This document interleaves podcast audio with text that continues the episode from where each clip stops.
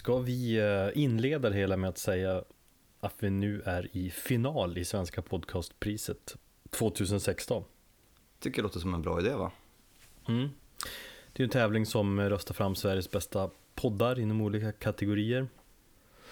Och där har vi varit med i en sån nomineringsomgång och nu är den slut. Och då har det visat sig att vi är en av fem poddar inom musikkategorin som nu är i final. Precis. Så tack alla som har röstat på oss. Det är skitkul och eh, det är väl Tack kanske inte fan. någonting... Ja, tack som fan. Och det är kanske inte någonting som vi hade förväntat oss, eller? Nej, alltså man hoppas ju och vi spred ju ordet lite grann så men eh, nej jag trodde ju inte det. Det som är så kul nu är ju att det är ju lite grann av en sån här battle of genres. Det är hiphop mot eh, hårdrock mot synt. Eller hur? Och pop, The Foo. Eller vad fan det är, nu är, jag har ingen aning. Det är väl något pojkband va? Det är ett ungt pojkband som är väldigt populära hos de yngre tjejerna.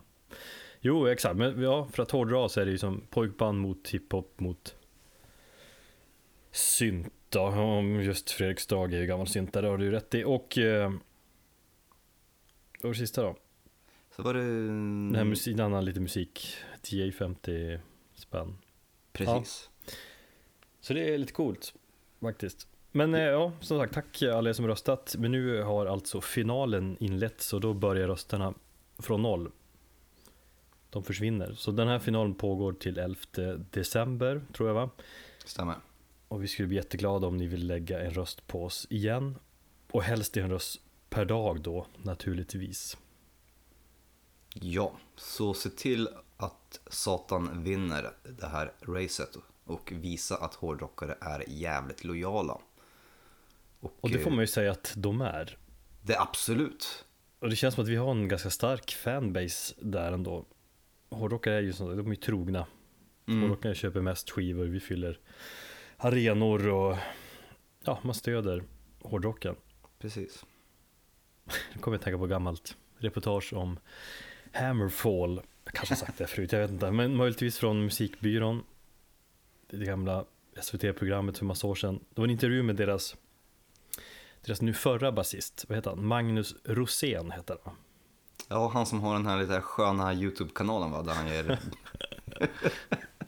eh, olika lektioner i bas va? Ja, det är olika typer av, ja det kanske han har olika, men det är olika bassolon. Ja, Det är ta fan episkt. Det är något klipp där han flyger omkring och, och spelar bas, typ det är någon lyftkran som kör ut han från, kör ut han över vattnet. Och så har jag gjort en egen tolkning av Game of Thrones ledmotiv, så uppträder, han uppträder på typ firmafester. Det är något han har någon sån här rökmaskin, han står och pressar den hela tiden så de bara, man ser inte ens han. Ja, det är smaklöst och jättekonstigt men otroligt underhållande. Jag har faktiskt en, eh, så här, varje gång jag läser om honom och, eller någon pratar om honom, då får jag upp en sån mental bild hur han står i en sån här genomskinlig ring, ring, ringbrynja med sin bas och så har han så här hårsfallet liksom lutar över på ena sidan och så står han så här och småler med sitt så här härliga leende. Jag tror till och med det är någon, något bandfoto som han gör det på eller någonting. Och så har han ju lite så löjlig eh, dialekt på något sätt.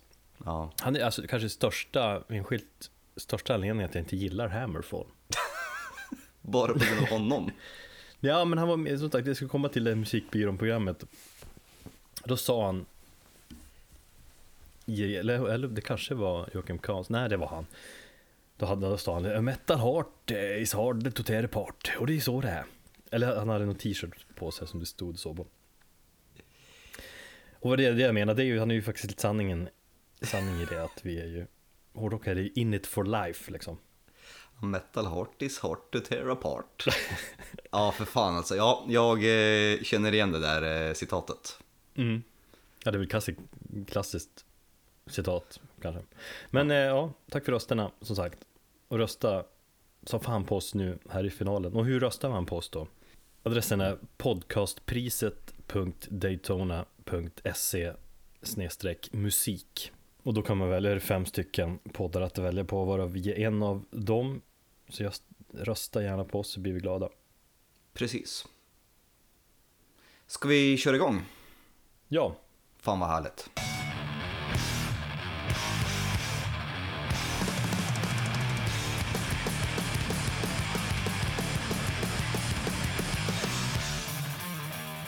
välkomna till det 31 jävla avsnittet av Metapodden. Med jag Erik och eh, med Thomas. Tjena. Tjena, du låter väldigt taggad faktiskt eh, med tanke på dina bravader här de senaste dagarna. Jag kämpar för att komma igång ordentligt här nu. Det har ju lite säga, ombytta världar mellan dig och mig. Du var ju fast i magsjuk-helvetet för någon vecka sedan. Ja, Och nu har jag blivit drabbad. Eh, Jag har riktigt känt livsglädjen eh, när magsjukan har härjat friskt här hemma i fyra till fem dagar. och jag har faktiskt varit lite lycklig över det. Jag har fått känna lite skadeglädje och eh, lite grann som du kände över mig så, så kände jag lite grann nu. Sen så har jag ju precis eh, förstått vad du har gått igenom och jag lider med det också. Men det är lite grann så att man drar på smilbandet och känner fan vad härligt, det är flera som har råkat ut för det. Man är inte ensam i misären. Man blir nästan glad då faktiskt. Ja. Men det, det blir, det är så komiskt och det, det är som man, ja, det är så jävla drygt. Men fan, det, det känns som att du, eller ni som har smittat oss med någon typ av luftburet jävla virus. Ja, du tror inte det är förskolan då? Det kan det vara också. Det började ju i fredags och nu är det ju tisdag. Så i fredags började min son spy ner sig själv i vagnen hem från förskolan där och sen någon dag senare blev min sambo smittad och kräktes konstant under ett dygn. Och sen trodde jag nästan att jag hade sluppit undan. Du vet, man tvättar händerna ordentligt men nej. Igår kom smittan och spydde och sket om vartannat. Kissade med röven. Ja, men nu mår jag ändå klart bättre. Alltså jag spyr inte längre, lite illamående och så är min mage helt åt helvete fortfarande. Så det kan vara så att jag måste avbryta under programmets gång här för att gå på toa. Om det blir så. Fan men ändå är det dedication att vi kör, tycker jag. Mm. Och Elliot spydde för en halvtimme sedan. Spydde ner sig själv i hela sängen och sånt där. Fan vad härligt. Så vi kan bada och så hängde vi i sängen och så pruttade jag lite grann och så sa jag oj pappa prutta och det gick bara pappa putta, pappa prutta sa han typ tio gånger. Ja, ah, nej men det, ja, jag är less men vad fan. Så är det. Så är det. Eh, du förstår väl att eh, när man går på konsert, så som vi ofta gör, Mm. och, och stå och eh, prata om eh, bebisspyor och eh, kiss och bajs eh, är inte speciellt roligt för den omgivningen. Det är sjukt kul för dig och mig. Mm. För vi har ju funnit varandra någonstans i det. Men eh, för vår omgivning och de som är med i diskussionen så är det inte lika kul. Jag tänkte på det när vi såg Misery Loves Company i fredags. Ja, Och när du redogjorde för dina, dina spyor. Och eh, jag är ju inte bättre själv, utan jag brukar också så här, prata med mina arbetskollegor och berätta om hur min natt har varit. Och så bara ser man hur liksom, intresset i deras ögon bara svalnar och bara, varför berättar du det här för mig? Det är så sjukt ointressant. Det är ungefär som en person som säger att, eh, eller som vill berätta sin, andra personer berättar sina drömmar. Och du måste berätta om den här sköna drömmen jag hade haft. Det är så jävla ointressant för alla andra förutom dig. Det kan vara okej om det är snabb dröm. Jag drömde att jag dog i natt. Jaha, sjukt. Ja, eh, fan, konstigt. Men, det- men om man berättar liksom, om man håller på tio minuter med att berätta i detalj allt som hände i drömmen. Det är det kanske ointressantaste som finns. Och det är lika ointressant för, och speciellt för eh, personer som inte är föräldrar att höra om när två stycken hårdrockare står och pratar om bebisspyor. Fast för att försvara mig eller oss lite grann där så, eh, för det var ju fredags som vi såg Mm. Miss Loves Company och då hade ju Elliot spytt på mig två gånger på kvällen. Så jag sa ju liksom, ja, behöver inte ta min, jag behöver inte skaka hand för att, ja, förklara jag. Ja, nej men det är förståeligt. Eh, men vi såg ju Misery Loves Company och vi har inte riktigt pratat om det. Det är ungefär som, vi ser, nej nu håller du käften, nu, nu pratar vi inte om det här, nu, nu det sparar vi det till podden. Så Vi att jag, gick gatan ner där i Hammarby Sjöstrand, Sjöstad. Sjöstad. Sorry. Och satte upp något klistermärke, Metalpodden klistermärke. och så började vi diskutera konserten och sen sa vad fan, det här sparar vi till podden. Men jo, vi var ju nere på nere i källaren där på Fryshuset på klubben. Ja, och det var ju, ja, vi bestämde väl typ i sista sekund att vi skulle gå dit. Ja, eller du hade ju bestämt, men jag var ju som sagt eh, osäker om jag kunde då. Mm. Men vad fan, det blev lite spontant ändå. Men eh, klubben, det är en lokal som väldigt få gillar. Jag tänkte bara, varför är det så? Är det för att det ligger lite avsides? Är det för att det har ett bedrövligt ölutbud? Även om de faktiskt sålde eh, starköl den här gången. Ja, eh, men det var väl kanske för att de hade något specialtillstånd eller någonting. För det typ annonserades i sista sekund att de kommer servera eh, starkare saker än 3,5 eh, Jag får faktiskt så här fritidsgårdskänsla över det. Eh, och sen så, jag blev så Det är ju jävla... typ en fritidsgård.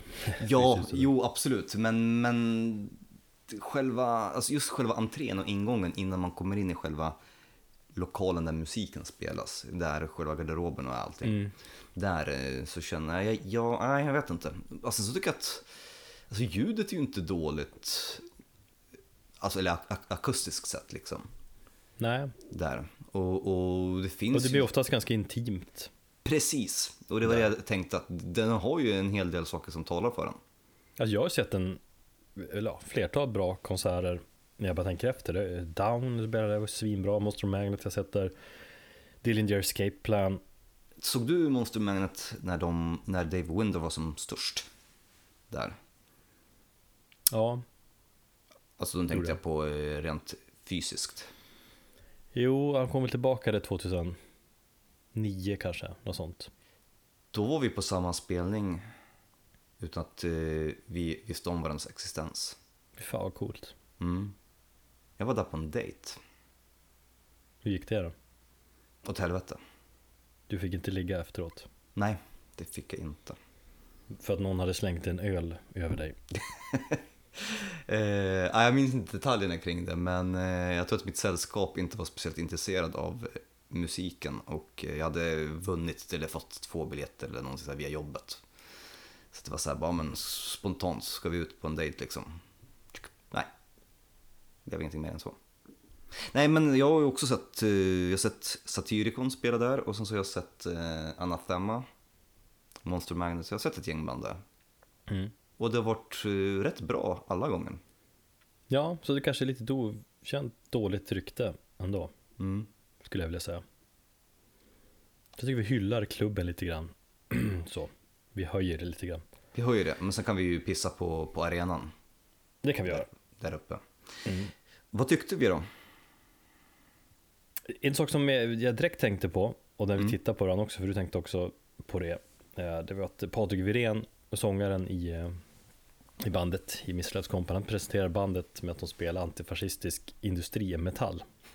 Ja, Och så tittar vi på varandra. Eh, Entombed sa ju samma sak i, i Malmö nyligen, eller så sa, jag tror Uffe Sedlund som sa det, att Entombed spelar antifascistisk dödsmetall. ja. Eh, Uffe och Patrik Wirén verkar vara goda vänner, de har ju spelat samma band. Bland annat. Eh, är, är det någonting de har pratat om tror du? Har det blivit en grej att i dagens klimat, kalla klimat, eller att man, man vara lite mer politisk? Att man att banden kanske känner sitt behov av att tydliggöra vart de står politiskt sådär. Eh, jävligt intressant att du tar upp det, för att jag tänkte precis samma sak. Eh, just det här fallet så tror jag att det här var en sån här pastisch som eh, Wirén gjorde på just eh, Söderlunds eh, citat där i Malmö. Eh, och jag tror att för kanske att alla inte förstod om man inte förstår kopplingen mellan de två banden. Mm. Men jag tror säkert också att det var en, ett form av ställningstagande och jag menar, allt är ju politik idag. Och speciellt i dagens klimat så känner jag att jag kan inte egentligen påbörja en enda diskussion utan att det blir politiskt på något sätt. Så jag tror kanske att det, ja, inte kanske att det blir någon trend, men att band och artister vill på något sätt tydligt visa ett ställningstagande gentemot sådana här vidriga åsikter. Ja, alltså det finns ju så krafter, eller så, så många krafter inom hårdrock som är väldigt bruna. Uh, Entombed är ju så pass gamla så de, de, De fick ju typ mordhot och grejer från black metal-snubbarna i Norge för att de inte var true. Och så där. De har ju varit med. För de spelade life metal. Ja, men det är ju ett kallare politiskt klimat i världen och, och så kanske det blir så också i, inom musiken. Ja, jag känner rent personligen att jag också har tagit ett helt annat ställningstagande och jag har blivit otroligt mer medveten bara de senaste veckorna på saker och ting, på, på hur folk beter sig och eh, att jag inte tänker låta vissa saker slinka igenom om jag hör någon säga någonting eller så. Mm. Och jag tror att det är jävligt viktigt för att det finns väldigt mycket bruna krafter just nu som, och just att rasism normaliseras och snart kommer det liksom kunna se det på, vad fan heter det, Hey Baperiba på, på tv liksom på, på fredagskvällen. Mm. Trump blir president, så det är två år till nästa val här i Sverige och sådär. Så att eh, absolut. Så att jag, tycker det var, jag tycker det var en kul grej att han Mm. gjorde så. Ehm, men eh, musiken då? Ja, alltså för mig var det ju, eh, ja, som jag, jag älskar ju Miss Loves Company, har jag ju sagt flera gånger innan podden. Det var mer känslosamt i Gävle i somras. Då visste jag liksom inte hur det skulle vara live. Det är lite mer nervöst också kanske. Ja, nu- då var det nervöst. Nu var jag mer förberedd och, och inte lika peppad heller. Jag var ju trött och nykter. Eller nykter är väl ingen... Jo, det kanske var en liten ursäkt. Men jag var trött och, fan vad jag hatar att gå på spelningar nykter. Det Var sa det jag kanske. Ja, Ja, men fan, det är... Ja. Jag gör typ det. Jag vill gärna ha någon eller två öl. ja. Men jag var ju trött. Jag är fan... Ja, när man får bli nerspydd och grejer så är det inte så kul. Men, eh, nej, men det, det, ändå ska jag vilja säga att det var en bättre konsert nu i fredags än vad det var i eh, somras. Det, det, det gav liksom ett bättre intryck av vad bandet är och, och hur de ska vara live och vad de står för.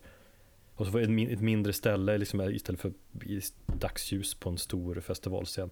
Ja, och det var ju, man kom ju betydligt närmare publik, eller ja, bandet. Så Ja, att säga. och det var mer, liksom, bättre ljus såklart och mer genomtänkt allmänt. Alltså bakproduktion där och det känns mer industriellt och, härligt liksom på det viset. Mm. Sen måste jag säga att Virén är ju en jävligt fantastisk, spännande live-personlighet. Jag håller med. Han är liksom eh, ofta ett obekväm och, och känslosam och, Spontan. Och så var väldigt spontan, är rätt ord. Eh, Han slår sig själv med micken och liksom röjer runt med smickstativet. Och dock kanske det skiner igenom ibland hur, hur glad han är. Eh, Ja, Men det kanske så- han var förut också för 16-17 år sedan, men jag tror inte det. Men det känns som att han, eller för mig är hans röst mer, det ska vara deppig och mörk och, men det skär sig lite med hans lycka, hur man ser hur lycklig han är på scen, även om han liksom, Det är lite grann som, eh, men det då, har vi, då är vi tillbaka där som Tompa Lindberg eh, när han spelade i, nej, eller at, at the Gate spelade i Gävle. Att jag menar, att vara 40 år gammal och em, sjunga ut texter när man egentligen är relativt stabil i sitt känsloliv och ja, kanske till och med lycklig och, ja, och sjunga ut texter som man skrev för 20 år sedan som är kanske lite mer naivt tonårsaktiga. Mm. Och det tror jag också är i, jag läste lite grann faktiskt av eh, Patrik Wiréns texter idag. Eh, bara för att liksom, ja, få min, bilda min uppfattning och det är ju, jag kan känna igen väldigt, mig väldigt mycket i hans texter på det, på det sättet, sättet han skriver på. Att det är väldigt introvert och det är väldigt, det är ungt. ja så är det verkligen. Och jag menar, följer man honom på, på sociala medier eller har man inblick i hur han är som person så verkar han ju leva ett väldigt lyckligt och, och fint liv liksom. Med barn och allting. Och då kanske det blir en kontrast där att sjunga gamla naiva eller liksom ångestfyllda tonårsdängor när man är egentligen mycket äldre och mycket lyckligare. Mm. Men jag gillar ju dock, alltså mellan låtarna ser man, då är han ju jätteglad och Åh, tack för att ni kom, åh, Ja. jag är så jävla glad jag är just nu. Men han kan ändå gå in i den där rollen under låtens gång. Att han blir Precis. ja, det spontana och arga och sånt. Så det, det gillar jag.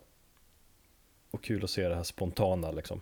Ja men som precis när, när han eh, bad eh, folket att liksom klättra över det här lilla kravallstaketet. Och bara tyckte det är så jävla larvigt med, med, med murar som vi bygger upp oss. Och så, så bara, men kom, undan, kom, kom hit liksom. Så gå runt staketet och ställer precis framför scenen. Mm. Det gick jag igång på som fan. Jag tyckte det var så otroligt fint att göra. Ja. En, en sån enkel gest och bara visa kom närmare mig, liksom, kom närmare scenen, kom upp på scenen liksom. Verkligen. Dock får man ju säga att det var, det var ju väldigt lite folk. Ja, jag tror att det var 200 pers eller något sånt där. Eller ja. det var, ingenting, det var ingenting som störde mig. Det kändes till och med ännu mer intimare. Det kändes som att man bevittnade kanske någonting som andra missade.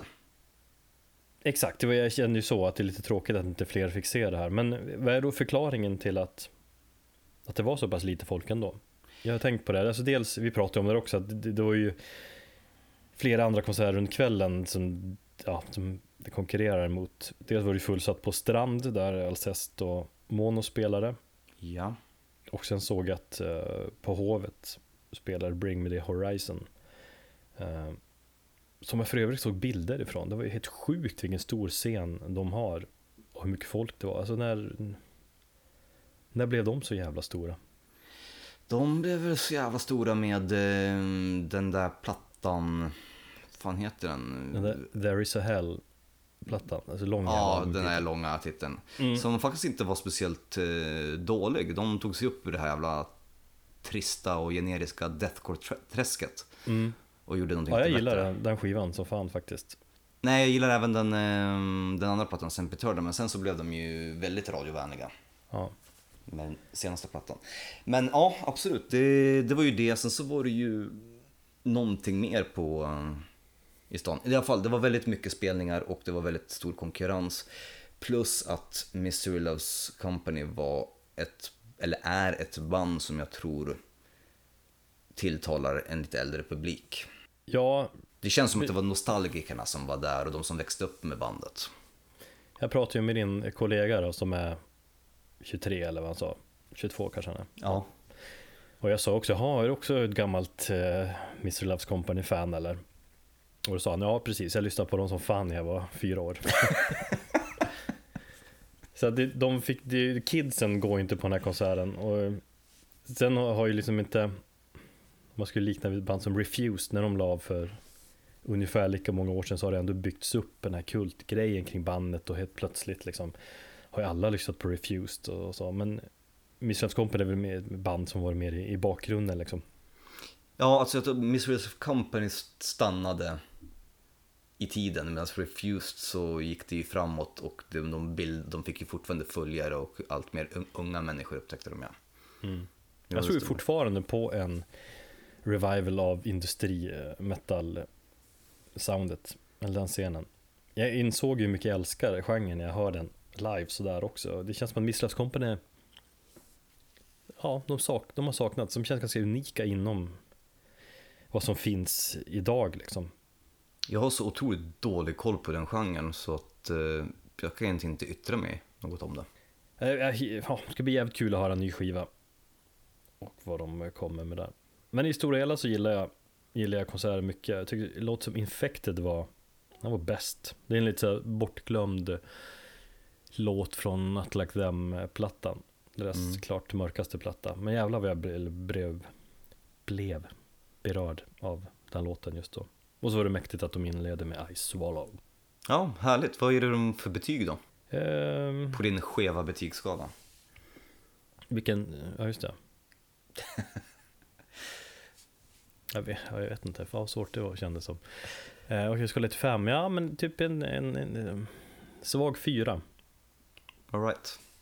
Vad gav du dem i Gävle? Det minns jag inte. Men det är en fyra eller någonting. Fyra, ja just det. Fyra tror jag. Och så sa att det kommer vara ännu bättre nu i höst.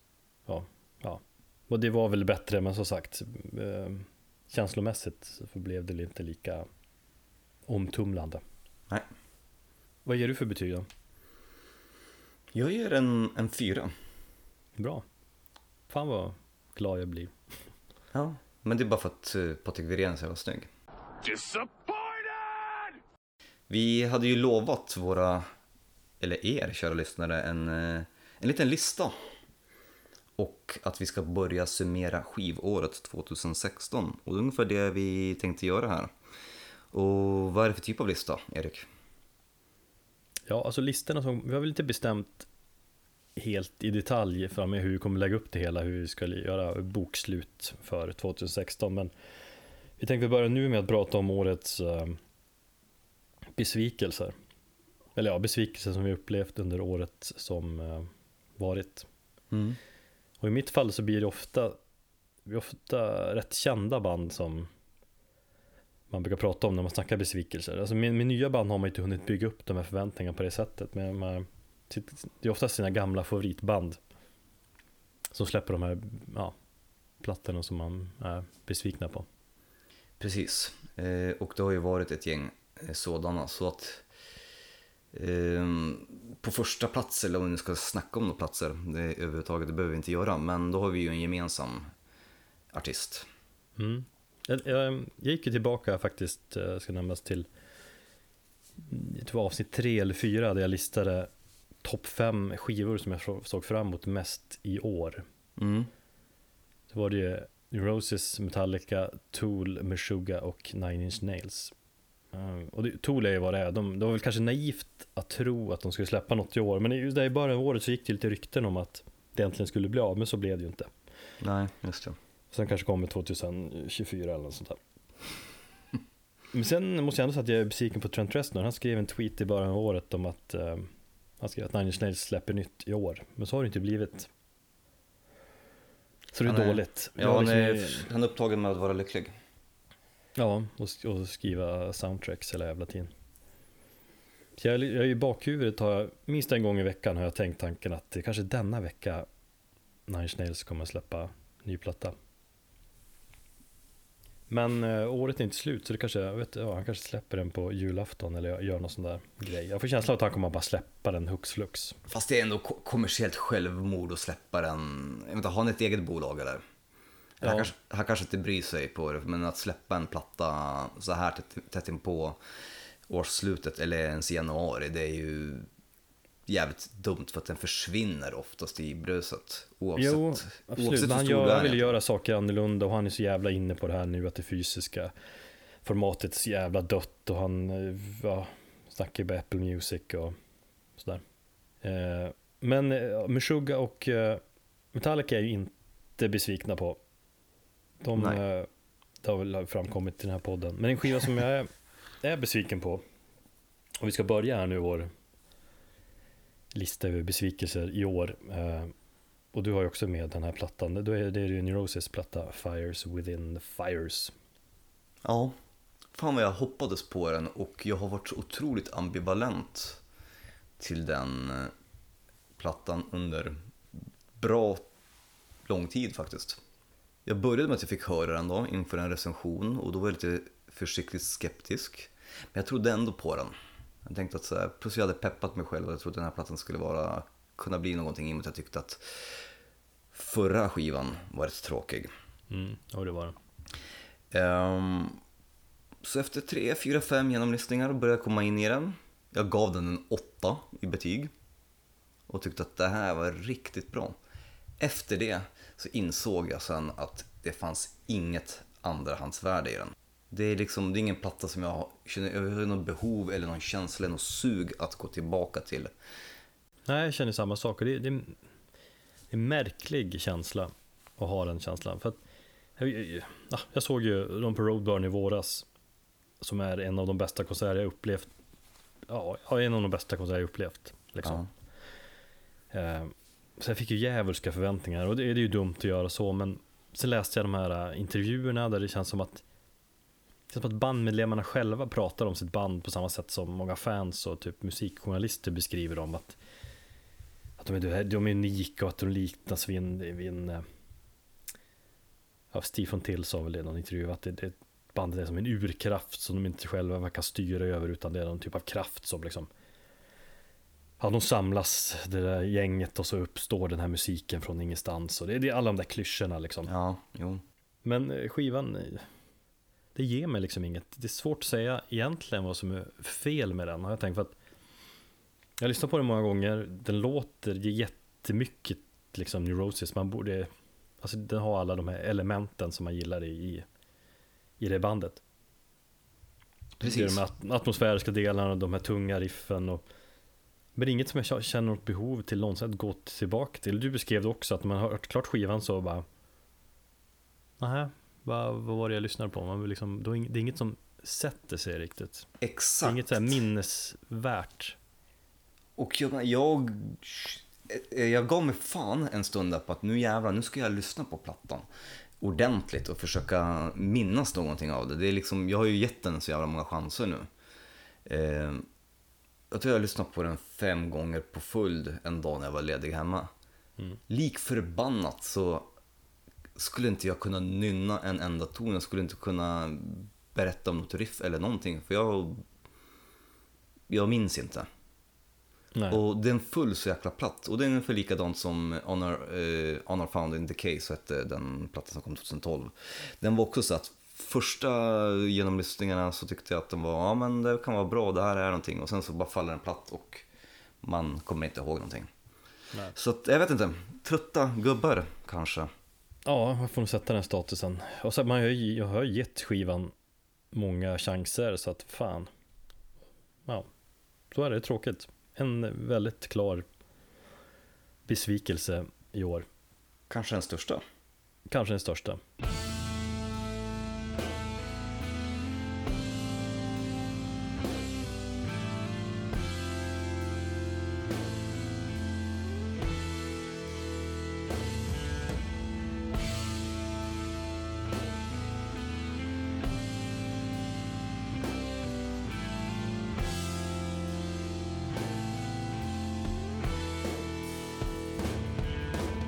Jag har ju en lite mindre besvikelse. Och ja, med en fas på mindre. Men eh, Conans Revengeance. Fan, jag tycker att den titeln är så otroligt lökig. Eh, ja, i alla fall. Jag eh, tycker den är pinsamt eh, dålig. Eh, de släppte ju en platta som inte egentligen är speciellt dålig, men...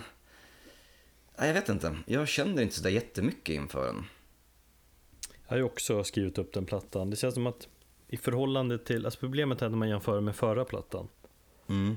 Och det är det som, Precis, det är lite grann det som är felet och det kanske man får lasta sig själv för och inte bandet. Men eh, Blood Eagle var ju min topp 1 när den kom 2013 va? 14 tror jag. Så jävla bra platta. Jag tror jag alltså, hade flest spins på den plattan under hela det året. Och så Ja. jävla tung. Ja. Det var liksom tyngsta domplattan någonsin kändes det som. Ja, och så försökte de på något sätt eh, jag försökte bräcka det och det har de inte lyckats för de kan inte göra någonting ännu tyngre än den egentligen. Samtidigt som de försökte testa på någonting nytt, men de har ju någon, någon jävligt snabb låt. Mm. Och en snabb Doom-låt, det, det låter bara fel. Eh, Det finns jättemånga eh, stunder på plattan som jag tycker är bra, men på det hela så, så känns det som att nej, då, då lyssnar jag hellre på Blood Eagle. Mm. Ja, jag känner exakt samma sak. Conan, what is best in life? To crush your enemies, see them driven before you, and to hear the lamentation of your women. Anthrax släppte en skiva i år som heter For All Kings. Och den har jag med på min besvikelselista. Jag tyckte ändå förra plattan, Worship Music, var jävligt bra. Den var liksom stundtals riktigt hård och, och det skrevs ju med en annan sångare än Joey Belladonna. De hade ju någon, de hade ju någon sångare ett tag som fick typ kicken. Och så efter John Bush och så hade de någon kille där ja. Ja, som aldrig fick eh, släppa. Så att de skrev, han var med och skrev en del låtar på den skivan också. Men, och det var lite så här 90-tals Anthrax i den plattan också som jag gillar mycket. Men, just med For All Kings så känns det som att, det känns så tråkigt, det känns så jävla gubbigt. Jag känner ingen nerv i låtarna heller. Det finns, visst det finns några bra låtar och sådär. Eh, jag tror det är titelspåret som jag tyckte var helt okej och sen efter det så är det så jävla mjäkigt. Ja, det är mycket mjäk. I stora hela känns det bara tråkigt. Eller så är det bara jag som har liksom ledsnat lite på dem. Och så, jag saknar ju John Bush Mm. på sång. Det blir lite för mycket nostalgisk känsla med Belladonna på något sätt. Jag har som sagt, ja, egentligen ingen större relation till Anthrax, jag tycker de är sjukt överskattade. Men, så att jag har väl ingen direkt åsikt om det, mer än så. Men de var jävligt bra live i Gävle i somras. Det Absolut, det tyckte jag. Och de kommer ju bli kung på House of Metal. Dit måste vi ju dra.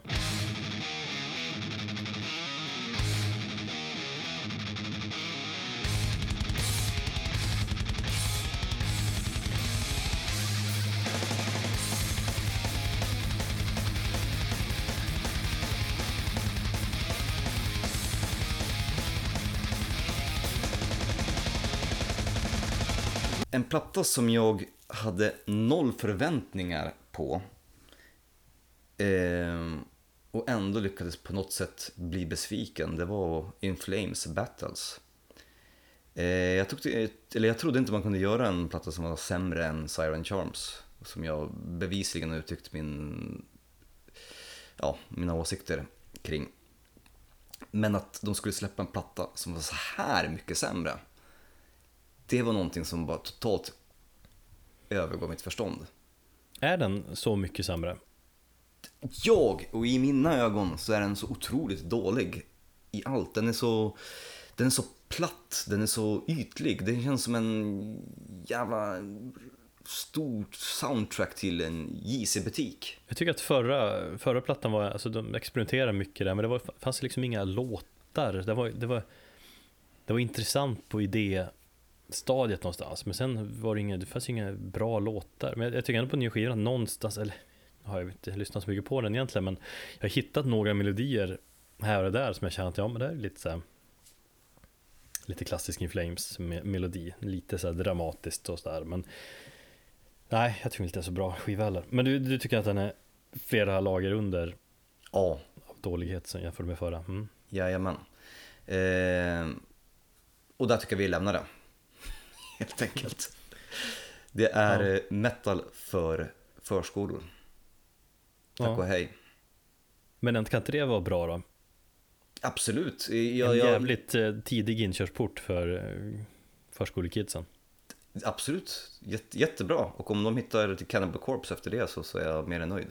Mm. Nej men alla band fyller väl någon funktion och det gör väl förhoppningsvis typ Takida också så att jag ska inte säga som det är. Men för mig personligen så är det ett band som jag inte någonsin ser kommer att eh, kunna tilltala mig igen.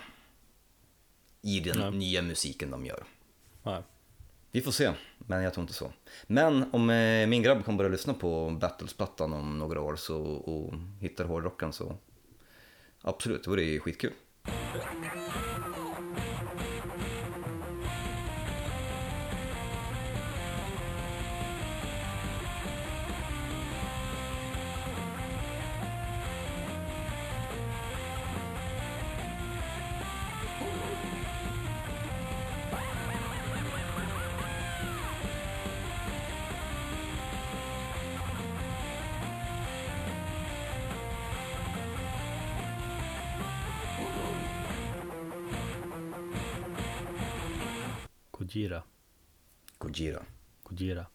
Släppte en, en efterlängtad platta i år som heter Magma, eller Magma, eller hur man nu säger. Som jag och eh, jag tror ganska många inom liksom för oss hårdrockare hade stora förväntningar på. Ja, det var väldigt många som hade rätt höga förväntningar, ja. Förra plattan var ju svinbra tycker jag och de har ju Var det den där Le Fond Savage, Le Precis. Baguette eller någonting? från Baguette, ja. och det var, det var fyra år sedan den släpptes så att eh, Åh fan. under den tiden har de liksom smugit fram lite sådär som favoriter som liksom att bli ett av de här nya stora metalbanden. Alltså Mm. renodlade hårda, hård metal liksom. Fast det kan de väl fortfarande bli, eller är? Inte? Absolut, absolut. Men jag tycker liksom, jag tycker att skivan inte alls når upp till nivåer som jag hade hoppats på i alla fall. Eller jag hade, jag hade nog väntat mig något annat. Så det, blir liksom, alltså det är en intressant skiva ur perspektivet att de fortsätter att utveckla sig. Det är liksom, det är ju ganska proggigt och atmosfäriskt sådär, typ. Men det känns som att Den Det- präglades väldigt mycket av eh, brorsornas eh, av brödernas mammas död. Okej. Har, jag för, mig att de eh, också valde att gå en annan inriktning på grund av det. Eller att det, det blir- det blir ju lite präglade, intressant plötsligt. ja, att det präglade deras, eh, om vi säger så här, eh, ja, textmässigt inställning och deras sinnesstämning när de Mm. gjorde musiken. Och när jag lyssnar på den så känns det som att det borde vara en bra platta också. Det är som, tyckte en, så liksom intressanta idéer där också på något sätt, men, men låtarna liksom är för, de är för svaga helt enkelt. Eller, det känns som att, att plattan är lite överarbetad på något vis. Men, De, eh, de har du, velat lite för mycket med den. ja, men du gillade förra alltså? Ja, helvete vad jag gillar den. Mm, okej. Ja, jag tappade bandet efter eh, The Way of All Flesh. Mm. Men eh, absolut, det, fanns, det finns några spår på Magma som jag tyckte var rätt sköna. Men överlag så är det inget band som intresserar mig så jättemycket. Ja. Och jag gillar dem, men sagt jag tycker att eh, jag trodde mer om, om skivan helt enkelt. Så det är en, eh, för mig ett klar besvikelse i år.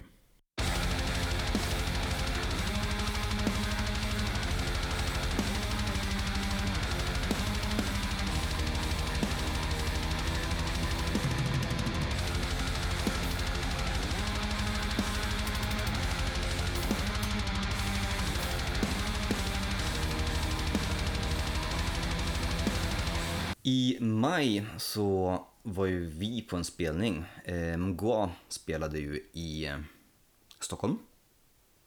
Yes. Och det hade ju utannonserats redan i slutet av november eller december året innan.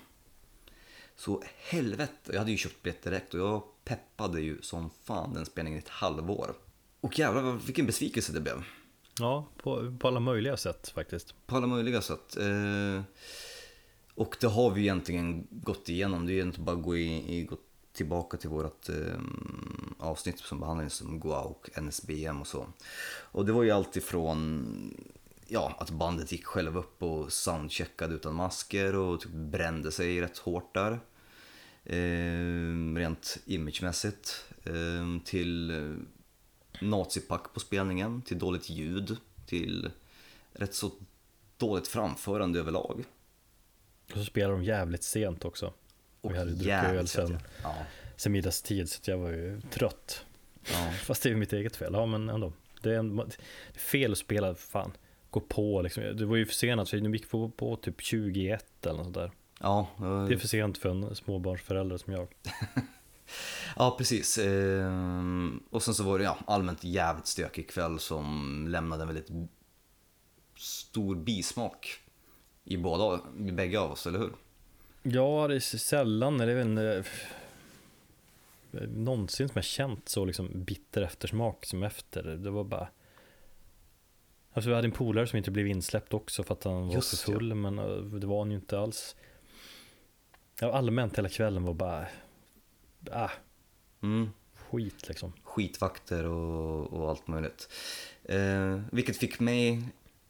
Alltså jag har ju funderat väldigt mycket över den spelningen och visst hade jag väl också väldigt höga förväntningar och det här var ju innan eh, en arena också hade gjort sin eh, lilla omarrangemang och eh, röstat upp stället.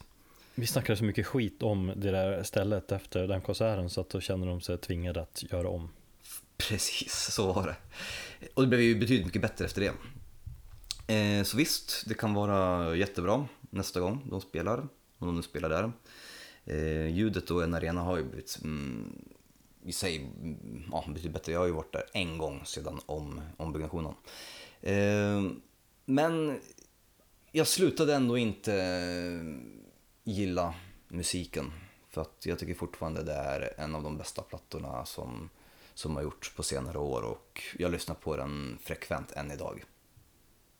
Men som sagt, framförandet och eh, själva upplevelsen var jävligt trist. Mm.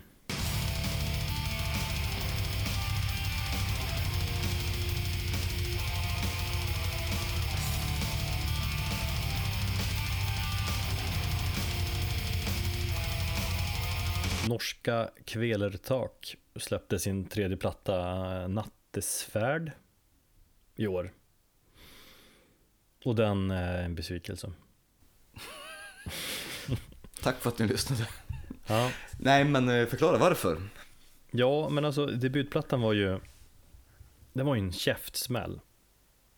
Kom från ingenstans och liksom deras galna, punkiga turbo negro rock liksom blandat med black metal element. Jag var jävligt sen på bollen med den plattan. Ja, jag gick igång som satan på dem. Och det och ett sjukt bra liveband var de. Och är de väl fortfarande. Och liksom folk runt omkring hyllade bandet. Snubben som James Hetfield eh, har ju snackat bra om dem och sådär. Um, sen kom andra skivan som inte riktigt, de körde på ungefär samma stil men nådde inte upp till samma nivåer. Ja, May tycker jag är jättetråkig. Ja, men de hade ändå, det fanns ändå liksom några bra låtar liksom. Men med tredje skivan nu så försöker de, jag vet inte, bredda sig, göra lite mer lättsamt, lite mer rock'n'roll liksom. Men inte lika hetsigt. Och det saknar jag. Bandan betyder ju strypgrepp, va? Ja. Och det tycker jag beskriver deras musik på ja, debutplattan och hur de låter live så jävla bra liksom med tre gitarrister och ett jävla röj. Men nu med den här plattan, Nattsvärd, så är det mer Carlingsrock skulle du kanske beskriva det. Ja, det, de har beskrivits som Carlingsrock. Eh, och jag kan lova dig att det kommer komma mer Carlingsrock under nästa år. Men det är ju fel att de ska gå den vägen till någon typ av så heavy metal vibbar och sånt där. Det, det, det är inte samma identitet i bandet. Visst, jag förstår att de alla band vill ju förnya sig och det är sånt, ja absolut, får man Men det, det- ah, jag håller ju inte med dig, jag tycker att den plattan är, jag tycker den är bra. Eh, jag kan erkänna att det tog några genomlyssningar innan jag eh, insåg det, eller innan jag började fatta vad de ville. Jag tyckte till och med singel 1985 när den kom, den var skitdålig. Eh, men ju mer jag har lyssnat på den och när man lyssnar på den i, i själva helheten som plattan är så tycker jag faktiskt att den är ett riktigt skönt break på något sätt. Och jag gillar de här lite Van Halen-vibbarna som man får av den eh, låten. ja, jo, jag kan, jag också uppskatta låten. Jag tycker också att skivan kan, eftersom det är en okej platta, men jag tycker inte att det, det är liksom inte Kvelertaks identitet längre. Nej, okej. Och då blir det bara trist när de kan spela den här ja, strypgrepps dödsrocken liksom.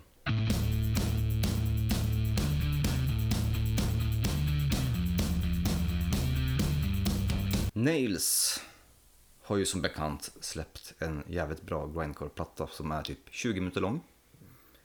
Skitbra om man ska gå längre, eller kortare promenader rättare sagt. Det ska bli Eh, jävligt intressant att se eh, om den kommer in eller vart den kommer in på vår eh, lista över årets bästa plattor. Ja, precis. Om PK-vänstern får säga sitt så skulle den inte finnas på någon lista. Nej, men eh, så är det. Det är skitbra platta. Jag tycker bara att bandets agerande i, eh, i den här incidenten, Twitter-incidenten som vi har pratat om i podden, eller hur? Jag får med att du tog upp det. Mm, Ja, har vi det? Det har ja, vi nog. det har vi. Eh, det började med att en journalist på Twitter eh, ja, recenserade plattan och, och bandet och tyckte inte om det och bandet gjorde misstaget tycker jag. Vad fan, är du ett band så ska du ju liksom får du ju ta att det finns vissa som tycker om dig och vissa som inte tycker om dig. Eh, och jag menar fan det finns ju folk med alla möjliga åsikter och är det inte någon som gillar dig, speciellt någon journalist som sitter på andra sidan jordklotet, ah, nu var det inte så, utan, men eh, ja, om man inte gillar dig då går du inte till attack mot den personen, tycker jag. Det är ju så otroligt omoget. Och det var det här själva macho-greppet, de började kalla honom för ja, fitta och kärring och allting. Ja, precis. Alltså okej för att ha attityd och uh, skriva att jag är trist att de inte gillar oss. Man skulle kunna vara hårdare och säga, ja men nej, han här verkar inte ha koll på vår genre eller något sånt där. Men liksom att kalla för sådana här ord, jävligt lågt. Ja, och sen så allmänt gå ut i, i media och eh, vara butthurt över det och sen så på något sätt gråta ut över hur missuppfattad du är men att du ändå inte, ni tillhör inte oss liksom, så som plattan heter, You will never be one of us. Så att jag tycker det bara, där tycker jag att rent, nu vet jag att bandet inte tänker så alls, eh, men ur ett marknadsmässigt eh, sätt så gjorde de inte sig någon tjänst direkt att hålla på så. Eller? All eh, uppmärksamhet är bra uppmärksamhet, tanken. Säkert många som fick upp ögonen för det här bandet med det där. Bara, vad är det för jävla idioter som skriver sådär? Här måste jag kolla upp. Ja, kanske. Det kanske var genomtänkt från deras sida någonstans ändå. Ja, jag tycker som sagt det var lite, lite trist. På en så jävla bra platta. Ja, det, det är lite, det blir lite bitter eftersmak där också. Ja. Så att, eh, nej. Nails. Ja, vi får se. Sen försvann de där in som, som så kallad hiatus. Men nu är de tillbaka igen tydligen. Ja, jag vet inte. Ja, vad fan Post- gjorde de där egentligen? Nej, grejen var den att det är ju egentligen, och det kan jag faktiskt köpa, det, när bandet säger att vi har aldrig sagt att vi skulle gå på någon hiatus eller att vi har tagit ett paus eller någonting. Det var faktiskt media som skrev de artiklarna. Vi var tvungna att ställa in ett par um, konserter och datum på grund av att någonting hade inträffat. Jag vet inte, någonting personligt i, med bandmedlemmarnas familj eller någonting. Men de, det enda de gjorde var inte, de ställde in datum och så höll de käft. De sa inte ett ord. Inga statusbeteende, inte någonting. Och sen så fattade omvärlden sina egna, mm, ja, och började spekulera kring det. Precis, så de spekulationerna blev ju liksom rykten om, eller blev som sanningar att de har lagt ner. Ja. För att det stod som, ja men de, Och det är jävligt, det det är jävligt intressant ur det eh, avseendet om man, så, så håller jag väldigt mycket på bandet. För att jag menar, de kör sin grej och de håller käften. precis, sen så, man, är, man är så van med band idag som är så jävla transparenta i allting. Och ger Precis. statusuppdateringar från studion, liksom, nu lägger han trummor, nu går han och bajsar. Mm. Och allt. Och det gör inte de här och eh, visar ju lite grann hur klickjournalistiken och, och hur sociala medier funkar. Så att eh, ingen går säker helt enkelt, inte ens Nails.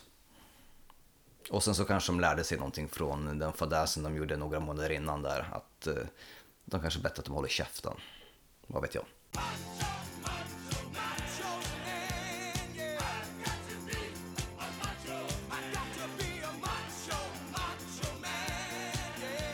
Till sist skulle jag vilja nämna Stockholms stad som en jävligt stor besvikelse. Och då syftar jag Jävla inte på... skitstad. Precis, nej men jag, jag syftar inte på något, något punkband som heter Stockholms stad eller någonting. Jag syftar liksom inte på staden i så, utan jag syftar på politikerna. De som styr typ kulturen där inom Stockholms stad. Eh, De har ju någonting emot Debaser. Först fick ju Debaser-slussen stänga långt innan ja, långt innan rivningen av slussen ens påbörjades, innan det ens var klart. Ja, rivningen påbörjades typ nyligen, eller hur? Ja, precis. Men de behövde lägga några rör där typ. Precis. För så var det ju i princip i två år. Men, eh, och det var jävligt irriterande. Och sen körde de ju bort Debaser från Medis-lokalerna. Mm. Efter nyår här så får de ju stänga. Med argumentet att det var, det var omöjligt för eh, att ha dem kvar eftersom de har ju råkat bestämma att ett nytt bibliotek måste byggas i princip precis samma lokaler. Mm. Och Det är jävligt trist. Man tycker ju när man läser allting att det sköttes jävligt osnyggt också. Liksom att de fick skriva på ett kontrakt som bara gällde typ ett halvår framåt och sånt där. Mm. Och sen, ja, de blev som lite lurade. Ja, Debase, Debasers, Debaser Mediers VD hade väl varit rätt så transparent och öppen på sociala medier om, om hur all den här debatten eller diskussionen pågick mellan, mellan dem och politikerna. Mm. Och eh, att de hade blivit lovade en, ja, en ersättningslokal som skulle vara på något sätt rättmätig ersättning för den här lokalen. Men då fick, blev de erbjudna typ en städskrubb. Ja. Eller en jättelång, smal lokal liksom, där det skulle inte funkat. Jaha. Och då var de tvungna att tacka nej. Nej, det är jättetrist. Så man får känslan av Stockholms stad verkar hata Debaser. Eller Stockholms stad hatar musik. De, ja, eller de verkar ha någonting emot liksom att det ska finnas vettiga musiklokaler inom tullarna. Men de verkar ha någonting emot den här fulkulturen som de säkert tänker liksom. Mm. Och därför hatar jag Stockholms stad lite grann och eh, är emot dem också. Ja, fuck you Stockholms stad. Mm. Och politikerna. Skärp er. Ja, nu får ni fan se till så att hårdrocken överlever. Gott så. Då har Ja, vi fått... var du, du var klar där också. Jag var klar där. Ja, känns väldigt skönt att, och, vad heter det, få lätta sitt hjärta lite grann och tumma ur det på skit. Ja, jag tror jag bokstavligt talat måste göra det. Så jävla Eh. lustigt att ha sån här äh, magen när det bara Ja, bubblar av sig. Fan vad ledsen jag är på det här. Men eh, ja, kung. Kung, eh, gå du och kissa med stjärten. Vi eh, hörs nästa vecka och kom ihåg, glöm inte att rösta på oss. Det gör oss så otroligt glada. Ja, precis. Och rösta varje dag till, eh, till eh, 11 december. Podcastpriset .daytona.se musik. Så är det. Tack för att ni lyssnar. Tack.